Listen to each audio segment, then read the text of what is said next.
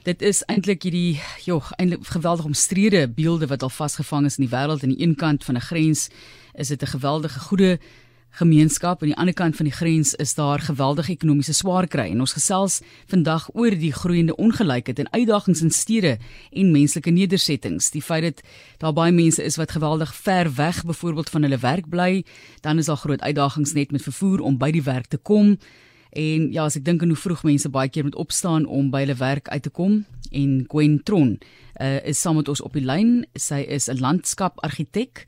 Alhoewel sy nou meeste van haar werk in die omgewingsbestuursveld doen, sy is die eienaar van die firma Leap wat landsargitektuur en omgewingsbestuursdienste vir meestal privaat kliënte aanbied. Baie welkom Gwen.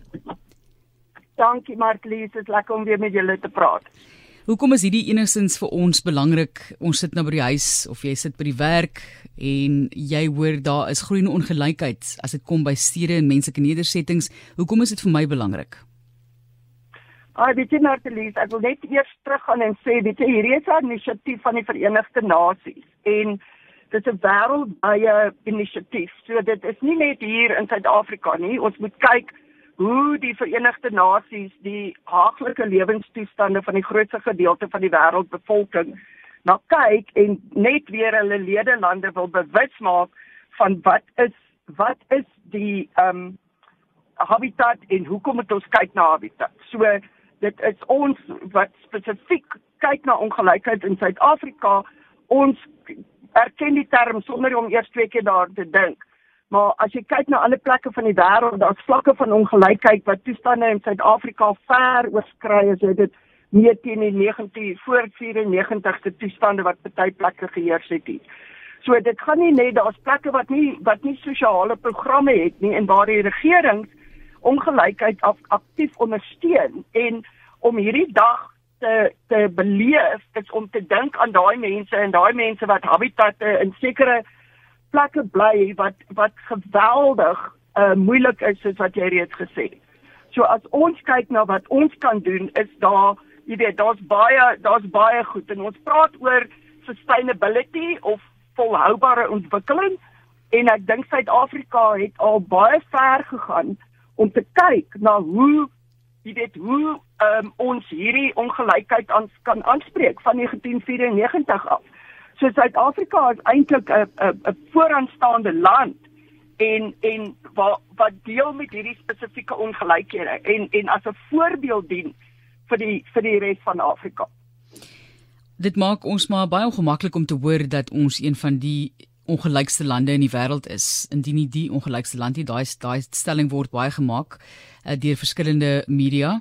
Maar as 'n mens net kyk na hier weer eens ek ek trek dit weer af na die persoon op straat um, en bring dit weer terug na hulle toe. Ons sal sê kyk ek betaal my belasting.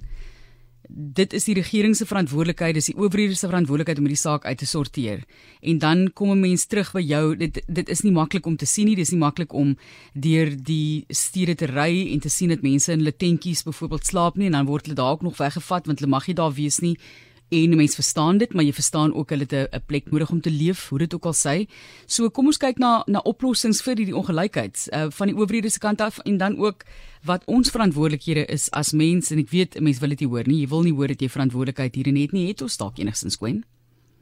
Ons het ons het verskriklik verantwoordelikheid, Martlies. I mean ons het as 'n gemeenskap verantwoordelikheid en daar is ons kan altyd teruggaan na na die riglyne toe en Suid-Afrika ondersteun nie noodwendig al die 17 doelstellings van volhoubaarheid nie, maar die Verenigde Nasies het 17 doelstellings wat hulle na kyk. En dit is 'n dit is 'n lang lys, maar as jy kyk byvoorbeeld na een van hulle, hulle ondersteun of hulle hulle bemoedig geen armoede nie. Nou baie van ons in Suid-Afrika lewe ver bo die broodlyn en ons kan skenk enigiets wat jy nie gebruik nie. 'n tydskrif waarmee jy klaar is, kan 'n kind gebruik om prentjies uit te knip vir die vir sy skool. So ons dink baie keer ons hoef nie noodwendig ons gooi dit sommer in die asblik en jy kan dit vir jou vir 'n uh, huishulp gee vir 'n skool naby jou en daai kinders het 'n geweldige behoefte om om net 'n uh, 'n uh, tydskrifte uit te knip en prentjies te kry vir vir hulle skool. Die volgende een is natuurlik zero hongerte. I mean moenie kos mos nie, mors nie en ondersteun jou plaaslike verskaffers. Veral plaasmarkte. Ons het 'n wonderlike geskiedenis en en 'n 'n gewoonte om plaasmarkte te hê oral waar mense van die omgewing inkom om hulle produkte te verkoop en ondersteun dit. Maak seker dat hongerte nie laat daar mense is wat nie honger is nie. Dan is daar ook goeie gesondheid. Om maak seker dat jou gesin ingeënt is en help ander wat jy kan om ingeënt te word. Ons het soveel mense wat ons op 'n daaglikse basis mee in kontak is wat dalk nie die vermoë het om hulle mense te kry om ingeënt te word nie. Enige inenting, ons praat nie net van COVID nie. Kwaliteit onderrig. I mean daar is soveel van ons skole wat uh, programme het met susterskole. Soos byvoorbeeld ons hier in Pretoria waar Anton van Wou 'n verhouding het met met 'n skooltjie in 'n klein skooltjie maar hulle het 'n verhouding met 'n skooltjie in Mamelodi. En van die kinders gaan baie keer skool bymekaar of hulle hulle kry gebruikte handboeke of sulke goed. So ons kan met met skoolprogramme kan ons geweldig doen om te help om onderrig te verbeter. Geslagsgelykheid is natuurlik iets wat ons nie oor hoef te praat nie. Ons almal weet dogters en vroue programme moet ondersteun word. Een van die groot probleme wat ons het is skoon water en sanitasie. Moenie water mors nie. Daar's miljoene mense in die wêreld wat nie water het nie en jy weet as jy net dink jouself moenie water mors nie. Gebruik die water wat jy nodig het en moet asseblief ook nie net jou opprit by jou huis afspuit met 'n tuinslang nie gebruik 'n besem. Daar's goed wat ons water voor gebruik wat ons glad nie nodig het nie. Bekostigbare en skoon energie. Meeste van ons energie in Suid-Afrika word, word nog deur steenkool opgewek, maar dit beteken nie ons moet uh um energie-effektiewe gloeilampe en toebehore gebruik nie. Gebruik dit want dit spaar energie en dit gee daai steenkool energie om ergens anders heen te gaan. Ja. Van stad standvastige werk. I mean, gee jong mense 'n kans om te werk. Daar is so 'n groot hoeveelheid jong mense in ons land wat nie werk nie en elke persoon wat werk in ons land onderhou 'n gesin, onderhou 'n familie en kom ons help om jong mense kans te gee om te werk. Industrie en innovering, ja, ek hoor vir jou. Nee, dis reg, jy kan maar voortgaan eers Gwen. O, okay.